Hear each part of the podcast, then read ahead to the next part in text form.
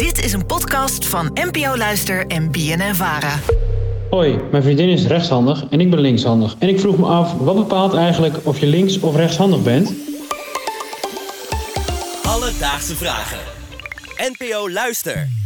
Max, dankjewel voor je vraag. David, jij bent linkshandig, ik ben rechtshandig. En daarbij ben jij dus onderdeel van de exclusieve 10% van de wereldbevolking die ook linkshandig is. Hoe voelt dat? Ja, hartstikke fijn. En eh, af en toe een beetje vies als er weer allemaal inkt aan je linkerhand zit tijdens het schrijven. Maar voor de rest goed. Ja, want vertel even, hoe is het leven van een linkshandige? Het vervelendst vind ik dat ik vaak heel incompetent ben met scharen. ik moet heel vaak aan mensen vragen of ze iets voor me open willen knippen. Want Echt het, waar? het lukt me gewoon niet met een rechte schaar. Dus het leven van een linkshandige gaat zeker niet over rozen. Ach ja. Maar wat bepaalt nou uiteindelijk of we links- of rechtshandig zijn? Het antwoord op deze vraag is nog niet zo eenvoudig. Afgelopen jaren is er veel onderzoek naar dit onderwerp gedaan. En ik sprak met professor in de neuropsychologie Guy Vingerhoets. En die legt uit welke factoren er meespelen. Dan is het korte antwoord op de vraag, dat ligt aan drie dingen. Eén, toeval. Twee, genetica. En drie, omgevingsinvloeden. Genetisch is natuurlijk het feit dat het meer voorkomt dat twee rechtshandige eh, ouders ook een rechtshandig kind krijgen. En dus bij linkshandigen een linkshandig kind uitkomt, maar ook wel eens een rechtshandig kind. Er is geen enkel single gen voor handvoorkeur. Dat er minstens 30 tot 40 verschillende genen zijn die allemaal een beetje een kleine invloed uitoefenen. Ja, er is dus een tijd lang gedacht dat er één speciaal gen was voor het doorgeven van de handvoorkeur. Maar uit recent onderzoek blijkt dus dat er veel meer verschillende genen zijn die er invloed op hebben. Want David, zijn jouw ouders linkshandig? Nee, allebei rechtshandig. Nou, dat geldt dat dus niet voor jou. Maar dat hoeft niet meteen te betekenen dat je dus geadopteerd bent. Er is namelijk nog veel meer wat meespeelt. Het belangrijke aan dit verhaal, dat die genen maar 25% verklaren of dat iemand uiteindelijk links- of rechtshandig zal worden. Ja. Dan moeten we kijken naar omgevingsinvloeden. Omgevingsinvloeden zijn waarschijnlijk heel subtiel. Een laag geboortegewicht, wanneer er meer lingen zijn, het seizoen waarin het kind geboren wordt, of het kind de borstvoeding heeft gekregen en de biologische seksen van het kind, die bepalen onafhankelijk van elkaar, hebben die een invloed op handvoorkeur. Maar al die factoren samen leveren ook maar een heel klein voorspellend effect op handvoorkeur. Wat een ontzettend interessante cocktail is dit. Ja, hè? dus bijvoorbeeld als je in de zomer bent geboren, heb je meer kans om linkshandig te zijn. Maar ook als je onderdeel bent van een meerlingengeboorte, dus bijvoorbeeld een tweeling. Maar ook als je lager geboortewicht hebt of als je geen borstvoeding hebt gekregen, hebben al deze dingen invloed. En mannen zijn ook vaker linkshandig dan vrouwen. Nou David, nu ben jij een man, maar herken je nog ergens in andere van deze factoren iets? Nou, volgens mij was ik best een papperige baby, dus dat niet. Maar ik heb voor mij niet lang borstvoeding gekregen. En ik ben eh, op 18 juni jarig, dus Kijk. een echt zomerskindje. Dus dat klopt wel.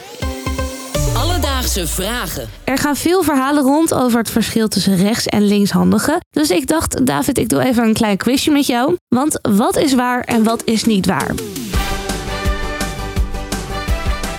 Vraag 1.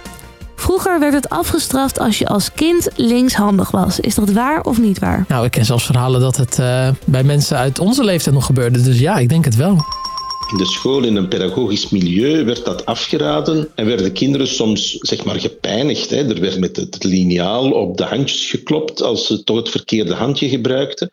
Nou, bij mij was het eh, niet met de lineaal dat het gebeurde. Maar ik schreef vroeger, en nu nog steeds niet, niet heel erg netjes. En toen werd ook al gezegd, ja, misschien is hij wel gewoon rechtshandig. En dan werd de pen in mijn rechterhand gedrukt. Maar ja, ik gaf hem gewoon weer over naar mijn linkerhand en begon weer verder met heel lelijk schrijven. Jij liet je niet dwingen. Ik liet me niet dwingen. Toen niet en nu niet.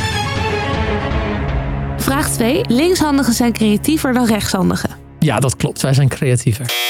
Dat zou je heel graag willen, maar nee, dat is niet waar. Oh. Het brein van een linkshandige is niet per se creatiever dan die van een rechtshandige. Wel is de wereld meer gemaakt voor een rechtshandige. Daarom leren linkshandigen zichzelf misschien wel meer om sneller creatieve oplossingen voor problemen te vinden.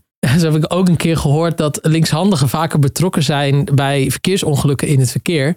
Omdat wij linkshandigen, als we willen uitwijken voor iets, dan gaan we vaak naar links. Terwijl de vluchtstrook zit altijd aan de rechterkant. Dus het is gemaakt voor rechtshandigen. Het sluit wel mooi aan bij mijn volgende vraag. Want linkshandigen sterven eerder dan rechtshandigen. Ja, dat zal dan wel.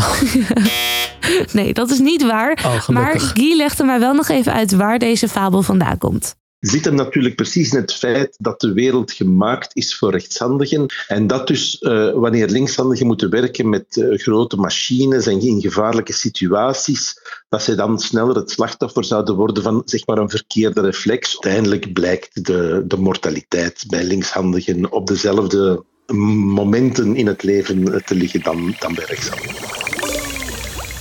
Dus Max, of je links- of rechtshandig bent, wordt bepaald door drie factoren.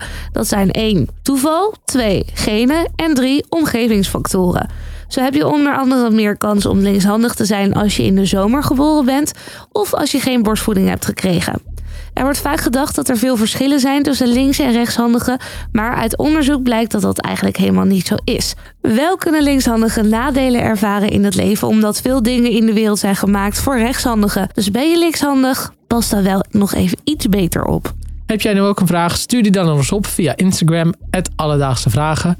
Of mail alledaagsevragen.bnnvara.nl Alledaagse Vragen. NPO Luister. BNN Vara.